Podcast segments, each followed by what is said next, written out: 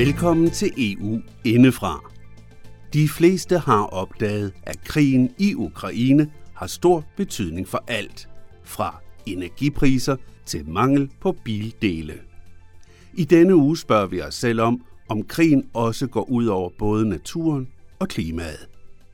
Og hvordan er det nu lige med den vilde natur, som EU har planlagt, der skulle komme mere af? Hvad er formålet med at lade naturen passe sig selv? Og kan vi mon finde et sted, hvor vi kan se resultaterne af de grønne åndehuller? Med andre ord, nytter det overhovedet noget? Det er blandt andet, hvad vi kommer ind på i denne her udsendelse, hvor vi også kan fortælle om, at landbrugslobbyen beskyldes for at udnytte Ukrainekrigen. Hvordan det hænger sammen, det kan du høre her.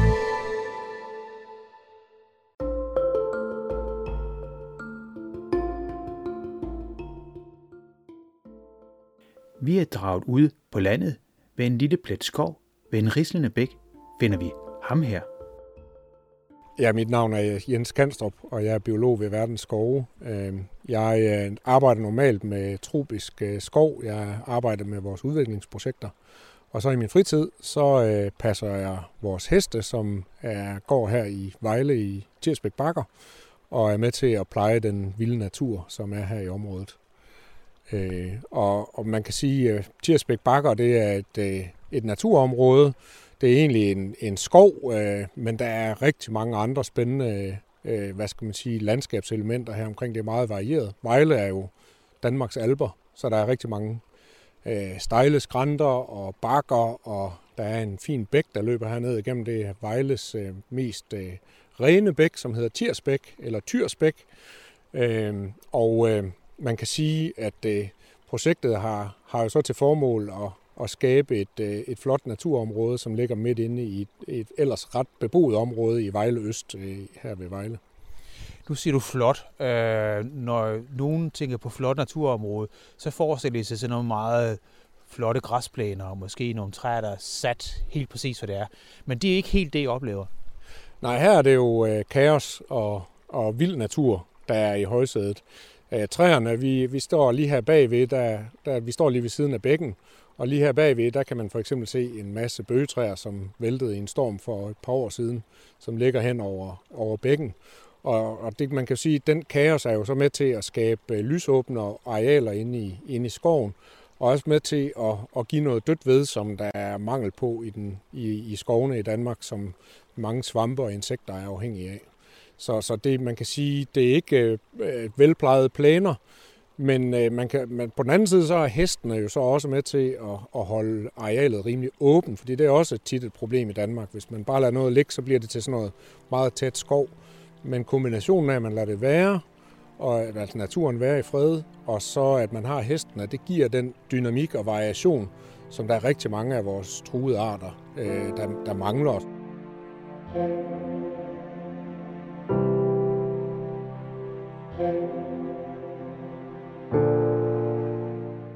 Det vi har besøgt er ikke nogen naturpark. Netop sidst nævnt har været omdiskuteret ikke mindst i forbindelse med, at de sidste alle planlagte naturparker er blevet sat på Danmarkskortet. Parkerne, også i det her område, vi har besøgt, er eller bliver flotte. Men de er ikke parker i ordets mere almindelige betydning. Altså en med brede grusbelagte stier, bænke her og der, og hvor almindelige mennesker kan få lov til at boldre sig. I naturparkerne skal naturen selv bestemme. Udtrykket er rewilding. Baggrunden er, som du sidenhen skal høre, ret alvorlig. Det er ikke kun Danmark, der er i gang med at oprette naturparker. Det er noget, der sker i hele EU. Så det virker til, at naturen i Europa er på vej til at få det bedre. Også klimaet burde få gavn af flere vilde og grønne åndehuller, eller havområder, der er fredet. Men passer det? Er der virkelig mere en vild natur nu end for bare 10 år siden? Og hvordan er det nu med den her Ukraine-krise, hvor vi i en tidlig udsendelse jo har hørt Venstres europaparlamentariker Aske Christensen fortælle om, at nu skal landbruget have lov til at både at udvide til de ellers braklagte arealer og bruge mere gødning. Hvordan hænger det sammen med mit indtryk af, at vi får mere og mere ren natur? Ja, for at finde svar på det, så har jeg ringet til Bruxelles, og det lød sådan her. Øh, med mig igennem til Nicolai Willemsen fra Enhedslisten, og du sidder i Europaparlamentet, og Europaparlamentet arbejder jo ofte med naturgenopretning også, øh, og natur- og CO2-kvoter osv. Hvordan ser du fremtiden nu, hvor vi jo samtidig har en Ukraine-krise, som jo åbenbart betyder, at vi skal geninddrage alt det, der er brætlagt? Jamen, jeg frygter ærligt til, at naturen bliver øh, offer for Putins forfærdelige øh, krig øh, sammen med den stakkels ukrainske befolkning. For det er jo det, man lægger op til, når man øh, vil til at tage øh, braklagte jorder øh, i gang igen øh, og, øh, og tillader pesticider, som man ellers havde, havde forbudt. Det er en katastrofe for naturen. Det vil betyde flere øh, plantearter, flere dyrearter, som vil blive udryddet i den allerede eksisterende biodiversitetskrise, som vi, som vi har. Så jeg mener, det er den, det er den helt forkerte øh, vej at gå, og det er heller ikke en effektiv vej for at sørge for, at der er mad på bordet. Jamen, det er jo netop mad på bordet. Altså nu kigger vi ind i en fødevarekrise, vil nogen mene, eller det, det er der faktisk, og tredjeverdenslande, øh, som jeg er sikker på, du også er interesseret i, der får mad på bordet, øh, de ser ind i, at de ikke kan få leveret mad fra Ukraine. Jeg ved, FN's fødevareprogram øh, klager over de manglende øh, fødevarer, der nu ikke kommer ind fra Ukraine. Øh, er det ikke meget rimeligt, at vi så prøver på at bruge alt den, de arealer, vi har til netop fødevarer, sådan at der ikke er nogen, der dør af sult i sidste ende? Det er klart, at vi skal gøre alt, hvad vi overhovedet kan for at bekæmpe sult, og det kan vi også gøre uden at begynde at ødelægge naturen mere. At der er langt mere effektive måder at, at gøre øh, det på, og jeg køber simpelthen ganske enkelt ikke den, den præmis, at, at vi skal ødelægge naturen for at, at, øh, at få, øh, få brød øh, på bordet. Så I stedet for så bør man kigge på, hvad man kan lave omlægninger i, øh, i landbruget, øh, og virkeligheden er jo også, at de det, som er det rigtig store spørgsmål, det er jo øh, foder til, til dyrene. Øh, og det er jo ikke de dyr, der kommer, altså den foder kommer til at gå, i, gå til danske øh, svin, øh, og ikke til, øh, til nordafrikanske øh, sultne. Så, øh, så det er, det er en, en rigtig trist situation, hvor man kan sige, at man har en industri, øh, landbrugslobby, der udnytter en forfærdelig situation i, i, øh, i Ukraine til at slå tilbage imod den, den nødvendige grønne omstilling af, af og naturgenopretning, som vi har brug for. Jeg skal forstå det rigtigt, det du siger. Det er, det er altså, at den fødevareproduktion, som EU har, alligevel ikke går til Afrika. Er det rigtigt forstået? Men derimod bliver for de danske svin for eksempelvis, eller de tyske osv.? Altså hvis vi ser på, hvad kan man sige, hvad, hvad er det, som, som, øh, som, som størstedelen af det, øh, altså det græs og så videre, der bliver der, og foder, der, der, der er tale om, øh, så er det jo til, øh, til grise og til køer. Øh, og, og det vil sige, at, at det, som altså, vi i virkeligheden diskuterer, det er ligesom, om, om man skal øh, ødelægge naturen for at fortsætte med at have øh, lige så mange køer og, og grise. Og, øh, og det, øh, det, det handler grundlæggende ikke om, om der kommer til at være øh, hvede og, øh, og, og brød på bordet i, øh, i Afrika. Og derfor, derfor er det sådan en, altså det, det er ikke den, det er ikke den reelle løsning, øh, og det er ikke en effektiv øh, løsning øh, på, øh, på sultproblemet, og det er i virkeligheden reelt bare en, en industri-landbrugslobby, som har grebet chancen til at tilbagerulle øh, den øh, fornuftige øh, naturbeskyttelsesindsats, som, som vi trods alt har lykkedes med at få vedtaget.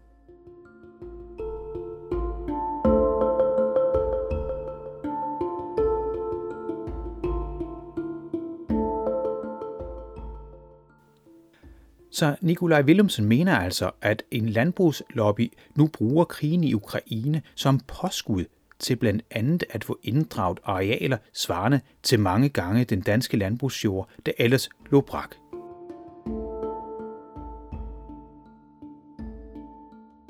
Nu er brakjord langt fra vilde naturparker, men hvad ville det egentlig ske, hvis al den jord fik lov til at stå urørt hen? Hvad skete der i den lille plet vild natur, vi besøgte nord for Vejle, da menneskene næsten slap tøjlerne helt? Jeg spørger, Jens Kanstrup fra Verdensskov det her. Nu har I haft det her projekt i tre år, kan jeg forstå, med genopretning af naturen her ved Vejle Ådal. Har I så fundet nogle sjældne planter, øh, som er dukket op?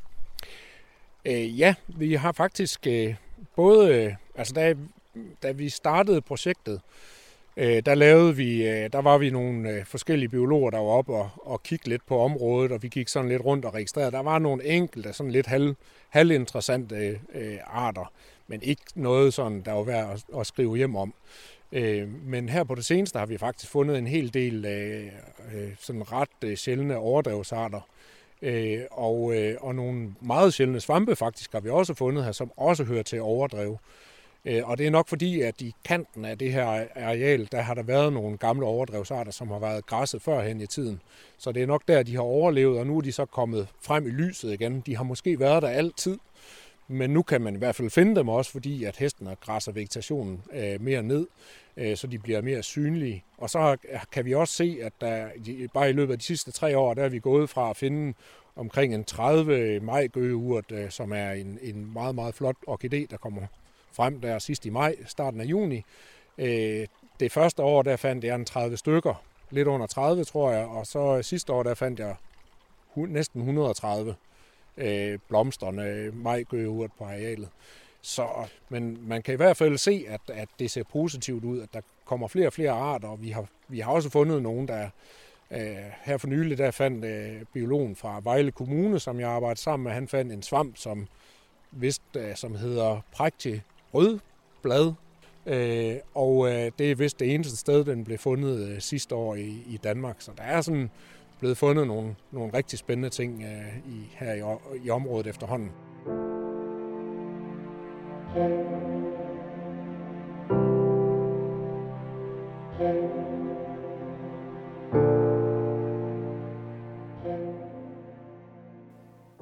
Så selv en lille plet relativt vild natur nord for Vejle kan altså være med til at bevare arter, der ellers vil blive endnu mere sjældne eller endda uddø.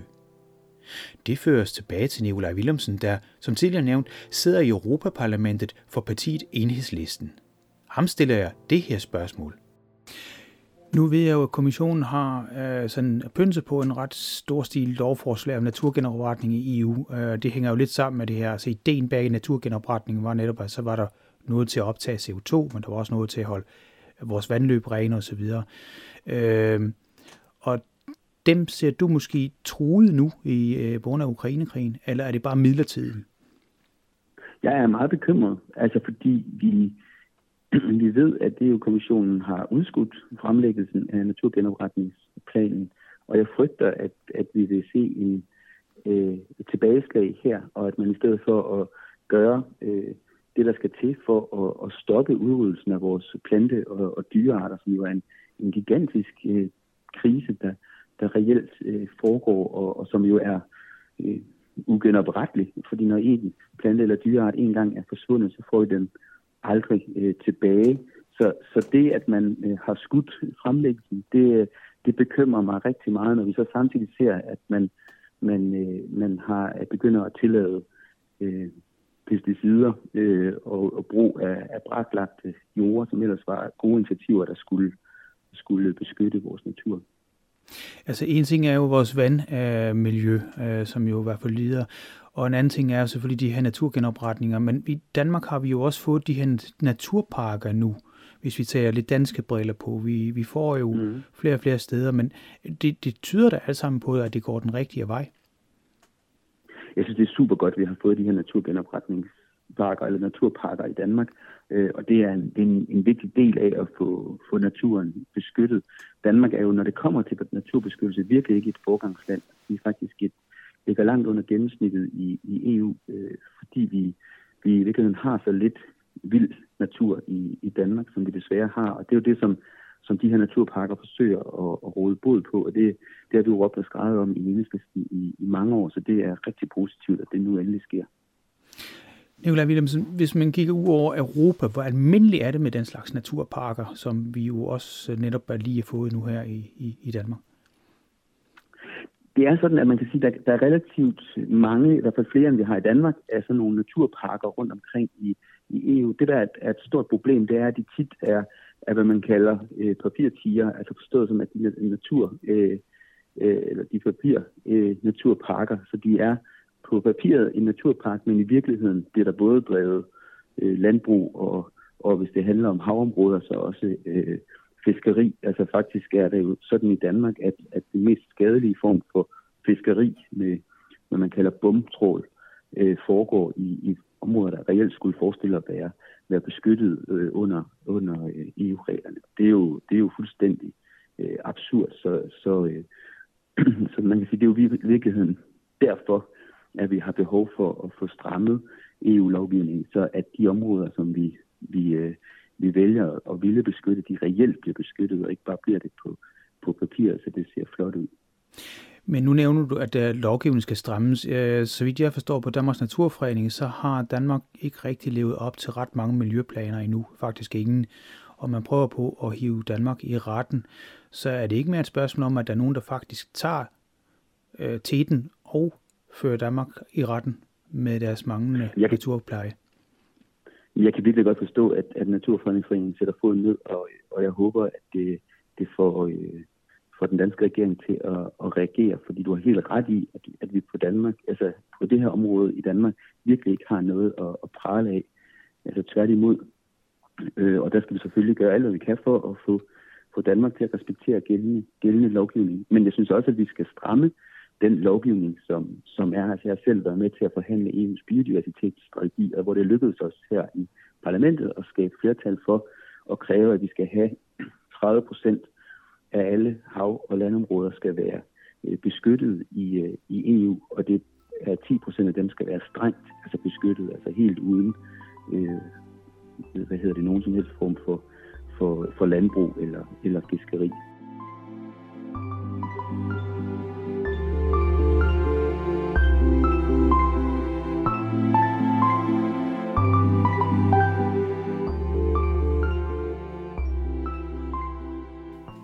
Nikolaj Willemsen her taler altså om områder, der ikke er dyrkede.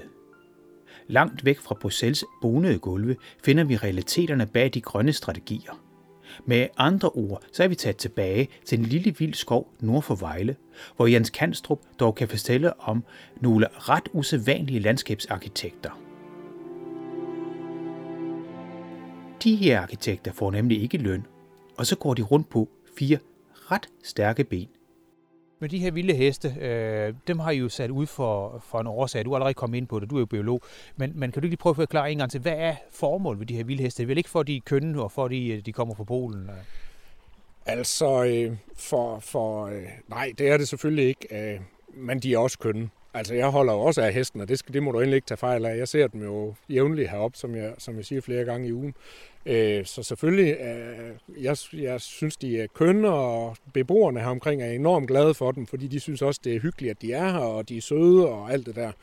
Men, men altså set ud fra, hvad skal man sige, natursynspunkt, øh, så er det jo fordi, at de ligesom andre store dyr ude i naturen er, øh, hvad skal man sige, naturens landskabsarkitekter. Altså de med deres store vægt. Øh, hængsten, han vejer måske et sted mellem 400 og 450 kilo eller sådan noget, når han er i topform, hvilket han er om sommeren, det kan jeg garantere. Øhm, øh, med, den, med den vægt, så kan han jo træde igennem øh, tørvene, øh, der er på, på, på øh, hvad skal man sige, de græssede arealer. Så skaber han små huller, han skaber, han skraber øh, vegetationen af, Øh, og det giver jo, øh, øh, hvad skal man sige, det er jo ligesom, øh, når vi gør vores bed klar til at så om foråret, ikke, så gør vi også jorden klar og skraber i det og sådan noget, sådan at øh, frøene de nemt kan, kan spire, og det er faktisk det, det, som hestene også gør. Og så samtidig, så fjerner de øh, en masse høj vegetation, som ellers vil tage lys og næring fra små urter, som typisk er det, der er truet ude i vores åbne natur. Øhm, hvis det er sådan, at man nu har øh, orkideer, eller man har øh, øh, små urter, som kræver, er meget lyskrævende, hvis der så kommer en masse høj græs hen over det, eller, eller nogle endnu større urter, jamen så forsvinder de simpelthen. Og hestene om vinteren især, der spiser de næsten alt. Så det vil sige, at sidst på vinteren, så er arealet simpelthen tømt for stort set alt, hvad der hedder den type vegetation. Og så om foråret, så kommer der lys og varme ned til de små urter, som er dem, vi, vi gerne vil have flere af på arealet. Så altså på den måde, så både i forhold til at spise øh, en hel masse græs især, øh, som vi, det er ikke fordi, at jeg har noget imod græs, men det har vi meget af i forvejen, så det vil vi helst ikke have så alt for meget af inde på arealet. Men også i forhold til, at de simpelthen ødelægger, øh, hvad skal man sige, øh, bundvegetationen mange steder, også når de øh, for eksempel støvbader, for eksempel der laver de simpelthen huller i vegetationen også, fordi de ligger og, og, og skraber det væk, øh, og, og det kan man simpelthen se rundt omkring, og det giver bare øh, giver noget dynamik til arealet, hvor, hvor planter de kan etablere sig, hvor det ellers, øh, ellers ville være svært.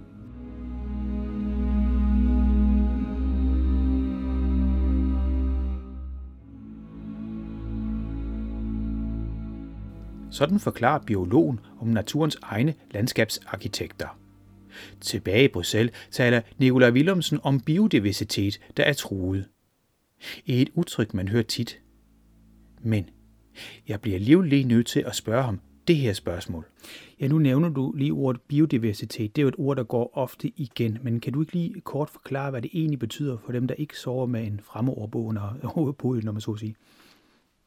Jamen, det betyder jo i virkeligheden, om, om vi har en, en, en mangfoldig natur. Altså, om vi har, øh, om vi har øh, øh, om vores øh, dyrearter og vores øh, plantearter øh, uddør, eller om vi øh, lykkes i at, at bevare dem. Og i virkeligheden er det jo sådan, at vi befinder os i en, i en ekstrem krise. Jeg tror, altså vi alle sammen ved, at der er en klimakrise, men, men der er nok færre, der, der er bekendt med, at, at vi reelt også har en naturkrise. At vi simpelthen har en situation, hvor, hvor tusinder af, af dyre- og plantearter er, øh, er troet, også i, øh, i Danmark. Så det er jo, og det er jo, det er jo virkelig en katastrofe. Altså hvis der er en, en dyreart, som, som som uddør, jamen, så får vi den aldrig igen. Hvis der er en planteart, som, som uddør, så får vi den øh, aldrig nogensinde igen. Og, og, øh, og det er jo dybt tragisk øh, og, øh, og en katastrofe for, for naturen og, og virkeligheden for os alle sammen.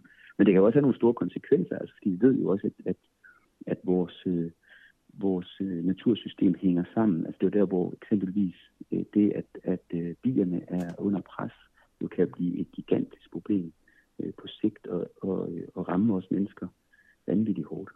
Ja, det er noget med, at hvis bierne ikke er der, så bliver blomsterne ikke bestøvet, og så er der faktisk heller ikke noget korn, der gror mere, eller nogen som helst afgrøder. Øh, og, men... det, er det, det, det, det hænger jo virkelig sammen, ja. Hvis vi tager de her øh, beskyttede områder, som du taler om, øh, hvor der alligevel fiskes med bomtrål, øh, det vil du gerne stramme EU-lovgivningen, men tror du ikke, altså fordi så vidt jeg husker, så har landene jo vetoret i sådan en sammenhæng der. Tror du, den har nogen gang på jorden?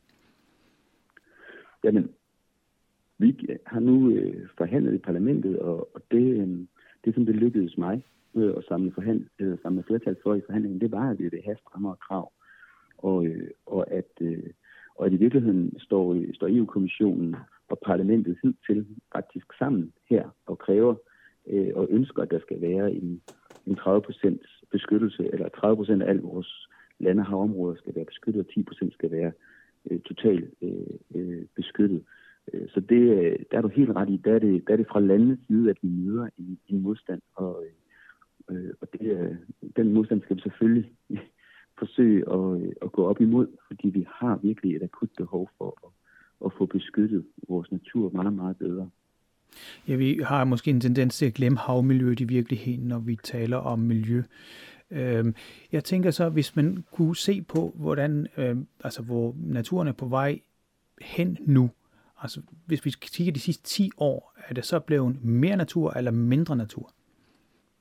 På 10 år er der blevet mindre natur. Altså desværre er det sådan, at, at øh, naturen er under et ekstremt pres, og og, øh, og det er også øh, altså EU's egen øh, øh, miljøagentur har meldt ud, at, at EU's landbrugsstøtte bidrager til at ødelægge øh, naturen og forværre øh, naturkrisen. Ja, og det er, jo, det er jo helt grotesk. Vi ved, at, at EU's landbrugsstøtte er den største post på, på budgettet over, over 2.000 milliarder i de kommende år, vil der blive delt ud i, i EU's landbrugsstøtte. Og den skal jo ikke bruges til at ødelægge vores vores i forvejen meget pressede natur, den skal burde i stedet for at gå til at, at hjælpe naturen med at, at komme tilbage og, øh, og vinde, vinde terræn, fordi øh, det er der brug for for fremtiden. Den her øh, ødelæggelse, som kommer igennem landbrugsstøtten, som du taler om. Du bliver nødt til at lige forklare, mm. hvordan ødelægger landbrugsstøtte naturen? Den kan vel udformes, så den ikke ødelægger naturen, hvad jeg går ud fra? Ja, det er klart, det er klart at, at det som er, er, er altså det er jo ikke, altså man kan sige, man kan sagtens give landbrugsstøtte som bidrager til at og, øh, og, øh, og beskytte naturen bedre. Det kunne være at omlægge til, til, øh, til økologisk landbrug. Det kunne være øh, og, og bidrage til at, at bruge øh, landbrugsstøtten til at, og, øh, at skabe øh, flere vilde naturområder og, og beskyttede naturområder. Så du kan sagtens du kan sagtens bruge penge på en anden måde. Det er bare ikke det, man, man gør. Altså det, som, det, som man ligesom øh, har, har, har kunnet se i den seneste periode med, med EU's landbrugsstøtte, det er jo ligesom, at når man har støttet fra EU's side landbrug i områder, hvor man er, som er ekstremt skadelige for naturen, øh, så, øh, så bidrager man jo til, til at, at den, her, den her form for ødelæggende landbrug foregår øh, og, og er rentabel. Og det er jo det, der i virkeligheden er så, øh, så, så, så, så grotesk. Altså du så gerne, at man omlagde den her landbrugsstøtte til lidt mere grøn landbrug, som man kan sige det for det, altså mere miljøvenlig landbrug? Ja, jeg vil meget gerne have et, et meget mere miljøvenligt øh, landbrug. Øh, og det er det, vi har brug for, både for at takle biodiversitetskrisen, men også for at takle øh, klimakrisen. For at vende tilbage til krisen i Ukraine. Øh, man kunne vel sige, at vi har jo også en energikrise, og vi har en naturkrise, men hvis nu vi lige beskæftiger os med, med krigen som sådan og de konsekvenser, så kan jeg jo se, at sådan set fra min stol af, så kunne du vel egentlig gå begge veje. Man er blevet enige om, at man vil være mindre afhængig af gas og olie fra ja, lige præcis mm. Rusland i det her sammenhæng. Tidligere har vi hørt Saudi-Arabien og så videre. Nu er det Rusland, der er i mm. kulden. Mm. Øh, og på den anden side, så inddrager man altså de her brakområder, som du også taler om, hvor, som man altså har haft godt af at ligge og være brak. Øh, mm. Hvordan Altså, hvordan skal vi skære den her balance? Altså, hvordan ser du den? Er tipper den til den gode side, eller til den dårlige side i kort og mellemlang og lang sigt? Altså, vores allerbedste våben i kampen mod Putin, det er den grønne omstilling. Altså, hvis vi kan gøre os selv uafhængige af Putins gas, så, øh, så står vi øh, markant stærkere, og så rammer vi ham og hans kreds af oligarker ekstremt hårdt. Så det er fuldstændig afgørende, at vi får sat fart på den grønne omstilling. Og det handler jo om at få bygget vedvarende energi, få sat turbo på energirenoveringer, få, få gjort det, så vi kan spare på, på varme og, og elregningen, og, øh, og så at den strøm, vi, vi bruger, er, er, er grøn og, og vedvarende, og at vi ikke øh, bare erstatter russisk gas med øh, saudiarabisk øh, gas, og dermed bliver afhængige af andre øh, despoter, der præsten også fører en brutal krig i, i, øh, i Yemen med, med store humanitære katastrofer. Så jeg synes, der er alt mulig grund til at sætte turbo på den grønne omstilling. Det er et spørgsmål om sikkerhedspolitik, og selvfølgelig også et spørgsmål om klimapolitik. Men jeg frygter, at det ikke er sådan, det går.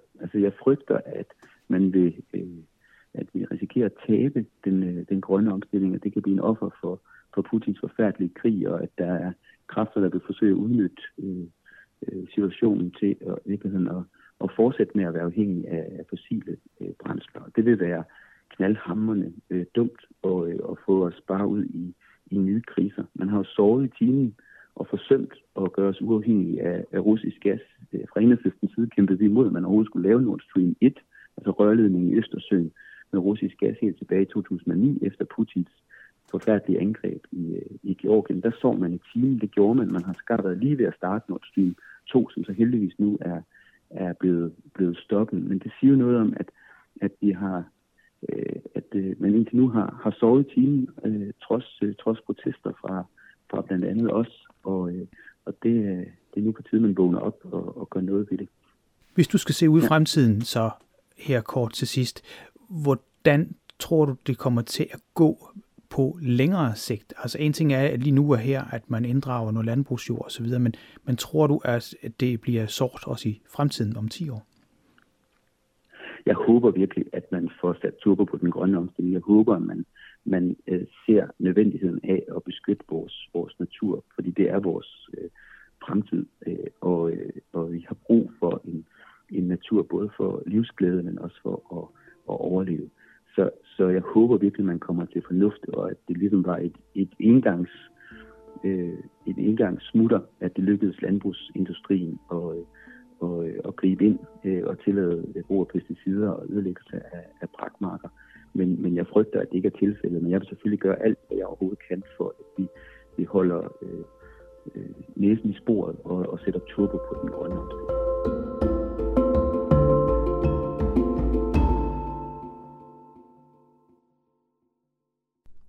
Du har netop hørt enhedslistens EU-parlamentariker Nikolaj Willumsen fortælle om hans bekymringer for Ukrainekrigens indflydelse på naturen i EU. Derudover har du hørt biolog Jens Kanstrup fra Verdens Skove fortælle om genopretningsprojektet ved Vejle. Hvis du vil høre mere om det projekt, ja, så kan du hente vores podcast om projektet, som du finder på adressen radiomb.dk-eu e eller på den elektroniske folkeoplysnings Facebook-side. Du søger bare på e-folkeoplysning på Facebook, eller også hvor du normalt henter dine podcasts. Vi nævnte også Venstres Asger Christensen, der mener, at det er nødvendigt at inddrage mere bragtlagt jord til fødevareproduktion. Den udsendelse kan du også finde på vores hjemmeside. Det var altså radiomb.dk-eu eller e-folkeoplysning på Facebook. Udsendelsen her har fået støtte af Europanævnet. Det er Radio MB, der sammen med den elektroniske folkeoplysning har produceret hele herligheden, mens det er journalist Jan Simmen, der har sørget for det journalistiske indhold. Mit navn det er Kim Matar Bundgaard, og jeg siger tak for denne gang, og på genhør næste gang, når vi igen er klar med EU indefra.